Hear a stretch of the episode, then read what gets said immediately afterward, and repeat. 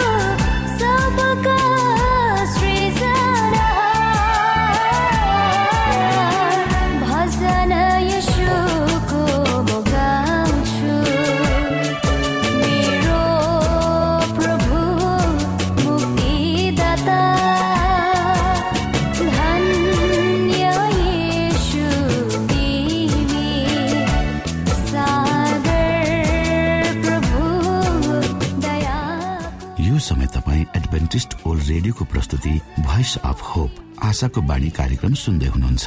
श्रोता मित्र यो समय हामी पास्टर उमेश पोखरेलबाट आजको बाइबल सन्देश सुन्नेछौ। श्रोत साथी न्यानो अभिवादन साथ म तपाईँको आफ्नै आफन्त अर्थात् पास्टर उमेश पोखरेल परमेश्वरको वचन लिएर तपाईँहरूको बीचमा यो रेडियो कार्यक्रम मार्फत पुनः उपस्थित भएको छु। मलाई आशा छ तपाईँले हाम्रा कार्यक्रमहरूलाई नियमित रूपमा सुन्दै हुनुहुन्छ र परमेश्वरका प्रशस्त आशिषहरू प्राप्त गर्दै हुनुहुन्छ। श्रोत साथी आउनुहोस् तपाईँ हामी केही समय परमेश्वर सँगसँगै बिताउनेछौँ। आजको प्रस्तुतिलाई पस गर्नुभन्दा पहिले म परमेश्वरमा अगुवाईको लागि बिन्ती राख्नेछु। जीवी जिउँदो महान दयाल परमेश्वर प्रभु यीशु हामी धन्यवादी छौँ। यो जीवन र यो जीवनमा दिनुभएका प्रशस्त आशिषहरूको लागि। प्रभु यो रेडियो कार्यक्रमलाई म तपाईँको हातमा राख्दछु। यसलाई तपाईँको राज्य र महिमाको प्रचारको खातिर यो देश र सारा संसारमा पुर्याउनुहोस्। ताकि धेरै मान्छेहरू जो अन्धकारमा हुनुहुन्छ उहाँले तपाईँको ज्योति यो कार्यक्रम मार्फत देख्न सक्नुहोस् र तपाईँको राज्यमा प्रवेश गर्न सक्नुहोस्। सबै बिन्ती प्रभु यीशुको नाममा। आमेन।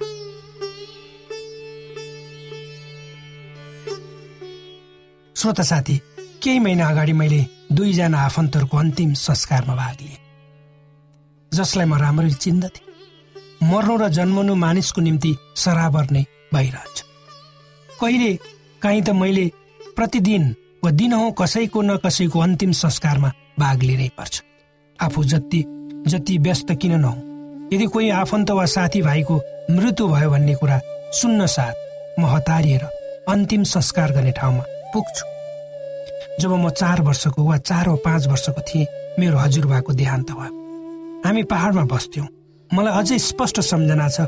मेरो हजुरबाको मृत शरीरलाई आँगनमा राखिएको र हजुरआमा बुबा र आफन्तहरू आँखाबाट आँसुका धारा बगाउँदै रुनु भएको। र केही क्षणपछि घरको आँगनमा धेरै मानिसहरू भेला भएको र बाँसमा सेतो कपडाले हजुरबालाई बाँधेर शङ्ख बजाउँदै घरबाट तलतिर झारेको। मेरो सानो मानस पटलले त्यो कुरा राम्ररी बुझ्न सकेन। त्यस बेला त्यसैले त मैले उहाँको देहान्तपछि प्रश्नहरू गरिरहे हजुरबालाई किन बाँधेर तल लगेको मानिसहरू? कहिले मेरा हजुरबा फर्केर आउनुहुन्छ? मेरो प्रश्नको जवाब सायद शोकमा डुबेका मेरा आफन्तहरूले चित्त बुझु रूपमा दिन नसकेको हुनुपर्छ। त्यसैले त मैले धेरै समयसम्म उहाँको विषयमा सोधखोज गरिरहेँ। त्यो त मेरो निम्ति पहिलो आफन्तको मृत्युको अनुभव थियो। हजुरबाको मृत्युसँगै हाम्रो परिवारमा धेरै कुराहरूमा परिवर्तन आएको मैले देखेँ। म बिस्तारै देखेँ र बिस्तारै बिस्तारै उहाँ हामीबाट सदाको निम्ति बिदा हुनुभएको रहेछ भन्ने बुझ्दै पनि गएँ। त्यसपछिका दिनहरूमा कतै कहीँ अचानक एकहोरो शङ्ख बजेको आवाज धेरै मानिसहरूको लस्कर देख्दा मेरो मन सिरिङ्ग हुन थाल्यो। त्यसपछि जब म ठुलो हुँदै गएँ मेरो सोचाइमा पनि परिवर्तन आउँदै गयो र पहिलोपल्ट जब म सोह्र वर्षको थिएँ म एउटा आफन्तको अन्तिम संस्कारमा मलामी गएको छु। हिजो अस्तिसम्म आफूले कुरा गरेको वा आफूलाई माया गर्ने गरेको व्यक्तिलाई खोलाको किनारमा चितामा जलाउँदा मलाई धेरै दुःख लाग्यो। चिताभन्दा पवर बसेर म उक्त दृश्य अर्थात् एउटा जीवनलाई आगोमा डढेर खरानी हुँदै गरेको हेरिरहे। अनि भारी दिमाग र शारीरिक रूपमा थकित हुँदै घर आएर दुई दिनसम्म राम्ररी खान नसकेको पनि मलाई अझै सम्झना नै छ। तर त्यसपछिका दिनहरूमा मैले मेरा धेरै आफन्त र साथीभाइहरूलाई अन्तिम संस्कार गरेर विदा गरेको छु। ती मानिसहरू जो आज यो संसारमा भौतिक रूपमा छैनन् तर उनीहरू एकपटक मेरो जीवनको अनुभवको एक भाग थिए जसले कुनै न कुनै रूपमा मेरो जीवनलाई उठाउन सहयोग गरेका मलाई उचित शिक्षा दीक्षा दिएका थिए। आज उनीहरू मेरो लागि एक आदर्श सम्झना मात्र छन्। ती मानिसहरू जसले मलाई यो संसारमा हिँड्न सिकाएका छन् कसरी बाँच्नुपर्छ भन्ने उदाहरण छोडेर गएका छन् तिनीहरूलाई म कहिले पनि बिर्सन सक्थे।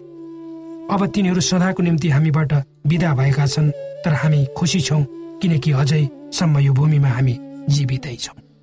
श्रोता साथी सबैमा एक किसिमको डर र भय जाग्छ जब हामी मृत्युको वास्तविकतालाई बुझ्ने वा खोदल्ने कोसिस गर्दछौँ। अर्थात् हामी सोध्दछौँ मृत्यु हाम्रो लागि होइन तर अरूको निम्ति मात्र अनि ढाडस दिन्छौँ आफैलाई। तर मृत्यु सबैको लागि सबैले एक दिन भोग्नै पर्छ। जसले त्यसलाई भोग्छ त्यसले थाहा पाउँदै कस्तो थियो उसको मृत्यु भाग्ने। कतिपय समय जब हामी जीवन र मरणको बीचमा जुधिरहेका हुन्छौँ डाक्टरले बाँच्ने सम्भावना कम छ भनेको अवस्थामा पनि हामी बाँच्ने इच्छा राख्दछौँ। त्यति बेला निश्चय नै हामी हताश र निराश अवस्थामा हुन्छौँ। हामीलाई थाहा पनि हुनसक्छ हामी यो संसारमा केही दिनका मात्र पाहुना हौ भनेर। आफू अगाडि भएका सबै सांसारिक कुरा आफन्त र सबभन्दा माया गर्ने व्यक्तिहरूलाई पनि हामीले छोड्छौँ भने त्यो बेला मानिसको मन कस्तो हुन्छ होला त? म त कल्पना पनि गर्न सक्दिनँ तर जब हामी जीवन र मृत्युसँगको युद्धमा मृत्युलाई पर ठेल्दै पुनः स्वस्थ जीवनतिर फर्कन्छौँ। तब हामी कति धन्यवादी हुन्छौँ। आफ्नो स्वास्थ्य जीवनको निम्ति। अनि हामीलाई थाहा हुन्छ हाम्रो जीवनको महत्त्व कति रहेछ। र बाँकी जीवनलाई कसरी सम्हालेर हिँड्नुपर्छ भनेर पवित्र धर्मशास्त्र बाइबलको भजन सङ्ग्रह एक सय सोह्र अध्यायको आठ र नौ पदमा राजा दाउद परमेश्वरप्रति धन्यवादी हुन्छन् र यसरी भन्छन् किनभने हे परमप्रभु तपाईँले मेरो प्राणलाई मृत्युबाट छुटकारा दिनुभएको छ।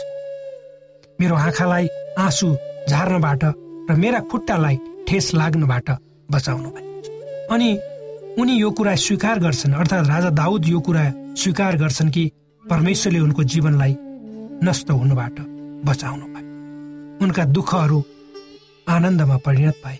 परमेश्वरले उनलाई सबै कुराहरूबाट संरक्षण र सम्वर्धन गर्नुभयो। श्रोत साथी परमेश्वरलाई प्रेम गर्नुको पछाडि धेरै कारणहरू छ र हामी हामीहरू उहाँको प्रेम र दयाप्रति धन्यवादी छौँ।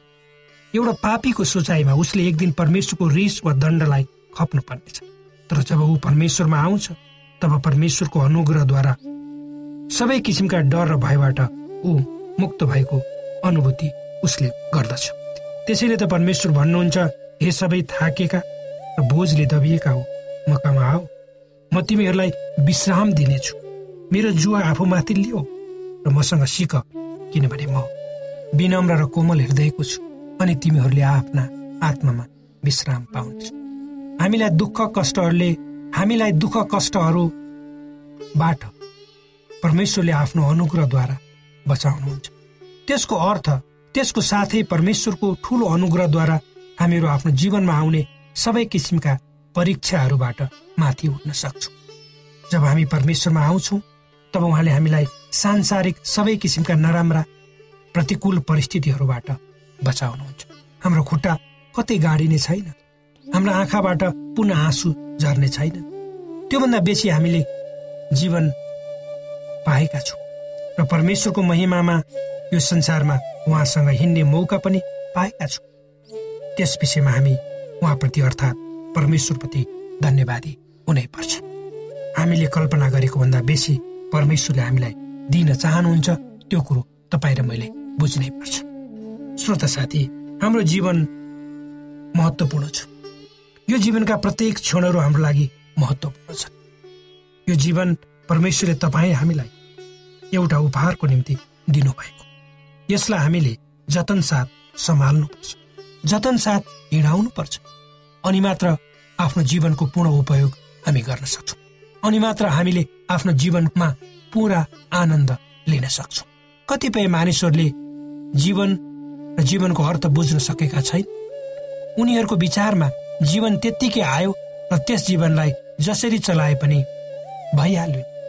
तर त्यो उद्देश्य अभिप्रायले तपाईँ हामीलाई परमेश्वरले सृष्टि गर्नुभएको होइन।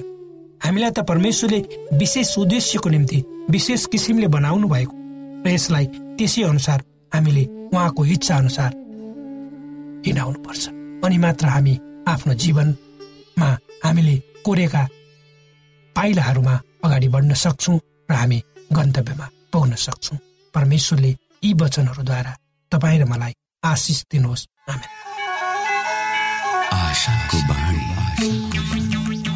श्रोता भर्खरै यहाँले पास्टर उमेश पोखरेलबाट बाइबल वचन सुन्नुभयो। यो समय तपाईँ एडभेन्टिस्ट ओल्ड रेडियोको प्रस्तुति भोइस अफ होप आशाको बाणी कार्यक्रम सुन्दै हुनुहुन्छ। कार्यक्रम सुनेर बस्नुहुने सबै श्रोतालाई हामी हाम्रो कार्यक्रममा स्वागत गर्न चाहन्छौ।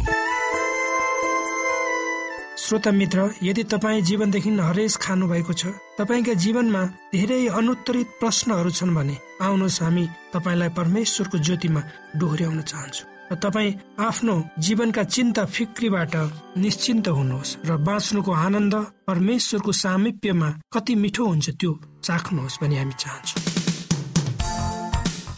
श्रोता यदि तपाईँ आशाको बाणी कार्यक्रमलाई अनलाइन सुन्न चाहनुहुन्छ वा डाउनलोड गर्न चाहनुहुन्छ भने W W W dot AWR dot ओआरजीमा जानुहोस्। त्यहाँ तपाईँले प्रत्येक दिनको कार्यक्रम सुन्न र डाउनलोड गर्न सक्नुहुनेछ। हाम्रो वेब पेज यस प्रकार छ W W W dot AWR dot ORG श्रोता यदि तपाईँ हामीसित सिधै फोनमा सम्पर्क गर्न चाहनुहुन्छ भने हाम्रा नम्बरहरू यस प्रकार छन्। अन्ठानब्बे एकसाठी पचपन्न शून्य एक सय बिस। अन्ठानब्बे एकसाठी पचपन्न शून्य एक सय बिस।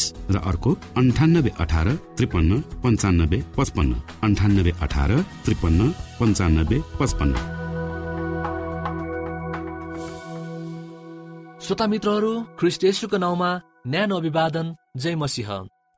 म तपाईँहरूको साथी उमेश यमन थापा। श्रोता चाहिँ आज पनि तपाईँहरूको रेडियो सेट सामु उपस्थित भइसकेको छु।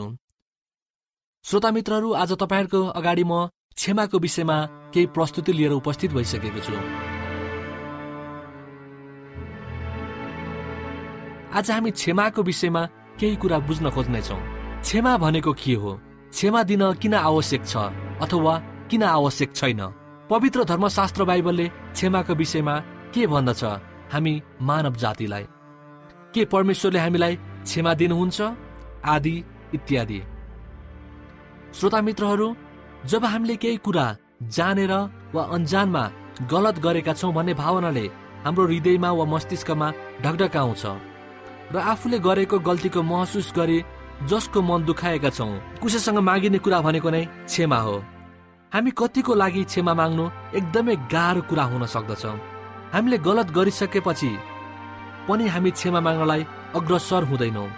जसको कारण हामी हाम्रो सम्बन्धमा फाटो ल्याउँदछौँ। यसको जिम्मेवारीहरू कोही नभएर स्वयं तपाईँ र म नै हौ। हामीलाई पवित्र धर्मशास्त्र बाइबलले क्षमा माग्नलाई अग्रसर गराउँछ हामीलाई उक्साउँछ र हामीलाई प्रोत्साहन गर्छ कि किनभने परमेश्वर क्षमा दिने परमेश्वर हुनुहुन्छ। परमेश्वरले हामी सबैजनालाई क्षमा दिनुभएको छ। पवित्र धर्मशास्त्र बाइबलको एसैयाको पुस्तक पचपन्न अध्यायको सात पदले हामीलाई भन्दछ कि जब हामी ईश्वरतिर फर्कन्छौँ र आफ्नो पापको लागि पश्चाताप गर्दछौँ त्यसपछि उहाँलाई मान्दछौँ।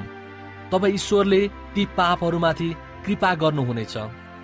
हामीहरू अथवा पापीले आफ्नो पापको लागि पश्चाताप गर्नुपर्छ र ईश्वरलाई मान्नु पर्दछ भनेर यस पदले हामीलाई भन्दछ। अनि हाम्रो सृष्टिकर्ता परमेश्वरले हामी मानव जातिलाई के प्रयत्न गर्नुभएको छ भने तिमीहरूको अपराध मेरै खातिर मेटिदिन्छु भनेर इसयाको पुस्तक त्रिचालिस अध्यायको पच्चिस पदमा लेखिएको छ। अनि हामीहरूले गरेको पाप अपराध हामीदेखि पश्चिमदेखि पश्चिमबाट पूर्व जति टाढा छ त्यति नै टाढा हटाइदिनुहुन्छ भनेर परमेश्वरले हामीलाई एउटा बाचा गर्नुभएको छ। अनि जुन पापको प्रायश्चित हामीहरूले गरेका छौँ ती सबै पापहरूलाई समुद्रको गहिराईमा फालिदिन्छु भनेर मिक्काको पुस्तक सात अध्यायको उन्नाइस पदमा परमेश्वरले भन्नुभएको छ। अनि हाम्रो मनमा लाग्न सक्दछ के हामीले गरेको पापलाई परमेश्वरले फेरि स्मरण गर्नुहुनेछ अथवा फेरि याद गर्नुहुनेछ भनेर? यसको उत्तर पवित्र धर्मशास्त्र बाइबल हिब्रूको पुस्तक आठ अध्यायको बाह्र पदमा पाउँदछौ। यसमा यसो भनेर लेखिएको छ उहाँले भन्नुहुन्छ तिमीहरूको पापमा फेरि सम्झने छैन भनेर। जुन चाहिँ पाप हामीले क्षमा गरेका छौँ र त्यस पापको प्रायश्चित गरेका छौँ र परमेश्वरले हाम्रो पाप क्षमा गर्नुभएको छ। फेरि परमेश्वरले हामीले गरेको पाप कहिले पनि याद गर्नुहुन्न। उहाँले कहिले पनि स्मरण गर्नुहुन्न। हामीहरूले गरेको पापहरू यति खराब छ कि ती एउटा सिन्दुरे रङको भए तापनि ती हिउँ जस्तै सेतो हुनेछन् भनेर परमेश्वरले यसैको पुस्तक एक अध्यायको अठार पदमा लेख्नु भएको छ अथवा भन्नुभएको छ दिनुभएको छ। अनि परमेश्वरले हामीहरूसँग के बाचा गर्नुभएको छ भने जो पिताले मलाई चिन्नुहुन्छ म कहाँ आउनेछन् र म कहाँ आउनेलाई म कुनै रीतिले त्याग्ने छैन भनेर यहुनाको पुस्तक छ अध्यायको सडतिस पदमा लेखिएको छ। श्रोता मित्रहरू यदि हामीले अरूलाई क्षमा गर्दैनौँ भने त स्वर्गमा हुनुहुने हामीहरूका परमेश्वर पिताले पनि हामीहरूलाई हामीहरूको पाप अपराध अधर्महरू कहिले पनि क्षमा गर्नुहुने छैन भनेर मर्कुसको पुस्तक एघार अध्यायको छब्बिस पदमा लेखिएको छ। जबकि पश्चाताप गर्नु र स्वीकार गर्नु हाम्रो काम हो र क्षमा दिने ईश्वरको काम हो। बाइबलमा धेरै प्रतिज्ञाहरूले देखाउँदछन् कि यदि आफ्नो पापलाई छोडिदिन्छौँ भने उहाँ खुसीले हामीलाई क्षमा दिनुहुन्छ। जुन किसिमले हामी पारीको अक्षरलाई मेट्दछौँ ठिक त्यसै किसिमले उहाँले पनि हाम्रो पापलाई मेटाइदिनुहुन्छ। उहाँ हाम्रो पापलाई हामीदेखि त्यति नै टाढा पारिदिनुहुन्छ जति कि पूर्वदेखि पश्चिम टाढा छ। उहाँले त्यसलाई समुद्रको गहिराईमा लुकाइदिनुहुन्छ जहाँ पानीको भाग यति ज्यादा छ कि कुनै वस्तु उहाँमाथि हुन सक्दैन। उहाँ त्यसलाई भुलि जानुहुन्छ। त्यो यस्तै भइहाल्छ मानव त्यो को मानव त्यो पाप कहिले थिएन। कुनै पनि पाप यति खराब छैन जसलाई उहाँले क्षमा गर्न सक्नुहुन्न। तर उहाँले हाम्रो पापलाई क्षमा गर्न सक्नुहुन्न जबकि हामी आफ्नो अपराधीहरूलाई त्यसरी नै खुसी साथ क्षमा गर्दैनौँ। जसरी खुसी साथ उहाँले हामीलाई क्षमा गर्नुहुन्छ। क्षमा दिनुमा एकदमै आनन्द र आशिष मिल्दछ। हामीले के बुझ्नुपर्छ भन्दाखेरि हामीले आफ्नो छिमेकी आफन्त साथीभाइलाई पनि क्षमा दिनु पर्दछ यदि उनीहरूले प्रयासित गर्दछन् भने। श्रोता मित्रहरू आजको विषयवस्तु आजको प्रस्तुति यहीँ राख्दै र म तपाईँहरूको साथी फेरि नयाँ प्रस्तुति लिएर आउने बाचा सहित अहिलेलाई तपाईँहरू माझबाट विदा माग्दछु। परमेश्वरले हामी सबैजनालाई आशिष दिनुभएको होस्। जय मसिंह धन्यवाद। कोभिड नाइन्टिनका सम्पूर्ण खोप वा भ्याक्सिनको सफल परीक्षण गरिएको छ। यी भ्याक्सिन लिनाले हामी गम्भीर बिरामी हुनबाट जोगिन सक्छौ। त्यसैले तपाईँ पनि यो खोप लिनुहोस्। यदि तपाईँलाई पहिले नै कोभिड पोजिटिभ देखिसकिएको छ भने तपाईँ यो खोप चाँडै नै लिनुहोस्।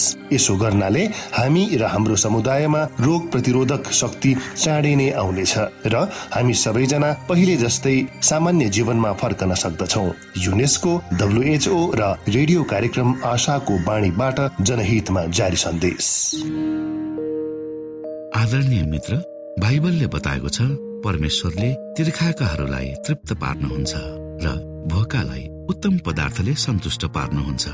हामीलाई दिइएको यो छोटो समय आशाको बाणीको प्रस्तुतिको समयमा हामीले हाम्रा श्रोताको आत्मिक भोकलाई केही मात्रामा भए तापनि सही प्रकारको खोराक पस्केर आत्मिक सन्तुष्टि दिन सकेका छौँ केही ऊर्जा थप्न सकेका छौँ भनेर हामीले आशा राखेका छौँ। आफ्ना मनमा भएका केही दुविधा र शङ्काहरू छन् भने अवश्य हामीसँग बाँडेर शङ्काको निवारण गर्नुहुनेछ र सही प्रकारको बाटो पहिलाउन सक्नुहुनेछ परमेश्वरको सच्चाइले अझ राम्रो बुझ्न सक्नुहुनेछ र आफ्नो जीवनलाई परमेश्वरमा पूर्ण समर्पित भएर समर्पण सहितको जीवन बिताउन सक्नुहुनेछ भनेर आशा राख्दै अब हामी हाम्रो कार्यक्रम सकिएको जानकारी यहाँलाई गराउन चाहन्छौ। जानुभन्दा अगाडि श्रोता हामी यहाँलाई हाम्रो ठेगानाको विषयमा जानकारी गरौं। हामीसँग पत्राचार गर्ने हाम्रो ठेगाना यस प्रकार छ। आशाको बाणी पोस्ट बक्स नम्बर दुई शून्य शून्य शून्य दुई काठमाडौँ नेपाल। आशाको बाणी पोस्ट बक्स नम्बर दुई शून्य शून्य शून्य दुई काठमाडौँ नेपाल। यसै गरी श्रोता यदि तपाईँ हामीसँग सिधै कुराकानी गर्न चाहनुहुन्छ भने हाम्रो फोन नम्बर यस प्रकार छ। अन्ठानब्बे एकसाठी पचपन्न शून्य एक सय बिस। अन्ठानब्बे एकसाठी पचपन्न शून्य एक सय बिस। र अर्को अन्ठानब्बे अठार त्रिपन्न पन्चानब्बे पचपन्न अन्ठानब्बे अठार त्रिपन्न पन्चानब्बे पचपन्न। हामीलाई इमेल पनि गर्न सक्नुहुन्छ। हाम्रो इमेल एड्रेस यस प्रकार छ Nepal at AWR dot ORG Nepal at AWR dot ORG यदि तपाईँ हामीलाई अनलाइन सुन्न चाहनुहुन्छ वा डाउनलोड गर्न चाहनुहुन्छ भने तपाईँ W W W dot AWR dot ओआरजीमा जानुहोस् र त्यहाँ तपाईँले हाम्रा सबै कार्यक्रमहरू सुन्न सक्नुहुनेछ। हाम्रो वेब पेज यस प्रकार छ W dot AWR dot ORG श्रोता यसमा गएर तपाईँले हाम्रा दैनिक कार्यक्रमलाई सुन्न सक्नुहुनेछ र डाउनलोड पनि गर्न सक्नुहुनेछ। हवस् त श्रोता हाम्रो कार्यक्रम सुनिदिनु भएकोमा एकचोटि फेरि यहाँलाई धन्यवाद दिँदै भोलि फेरि यही स्टेशन यही समयमा यहाँसँग भेट्ने आशा राख्दै प्राविधिक साथी राजेश र पास्टर उमेश पोखरेल र कार्यक्रम प्रस्तुता म रवि यहाँसँग विदा माग्दछौ। परमेश्वरले तपाईँलाई धेरै धेरै आशिष दिनु भएको होस्। नमस्कार।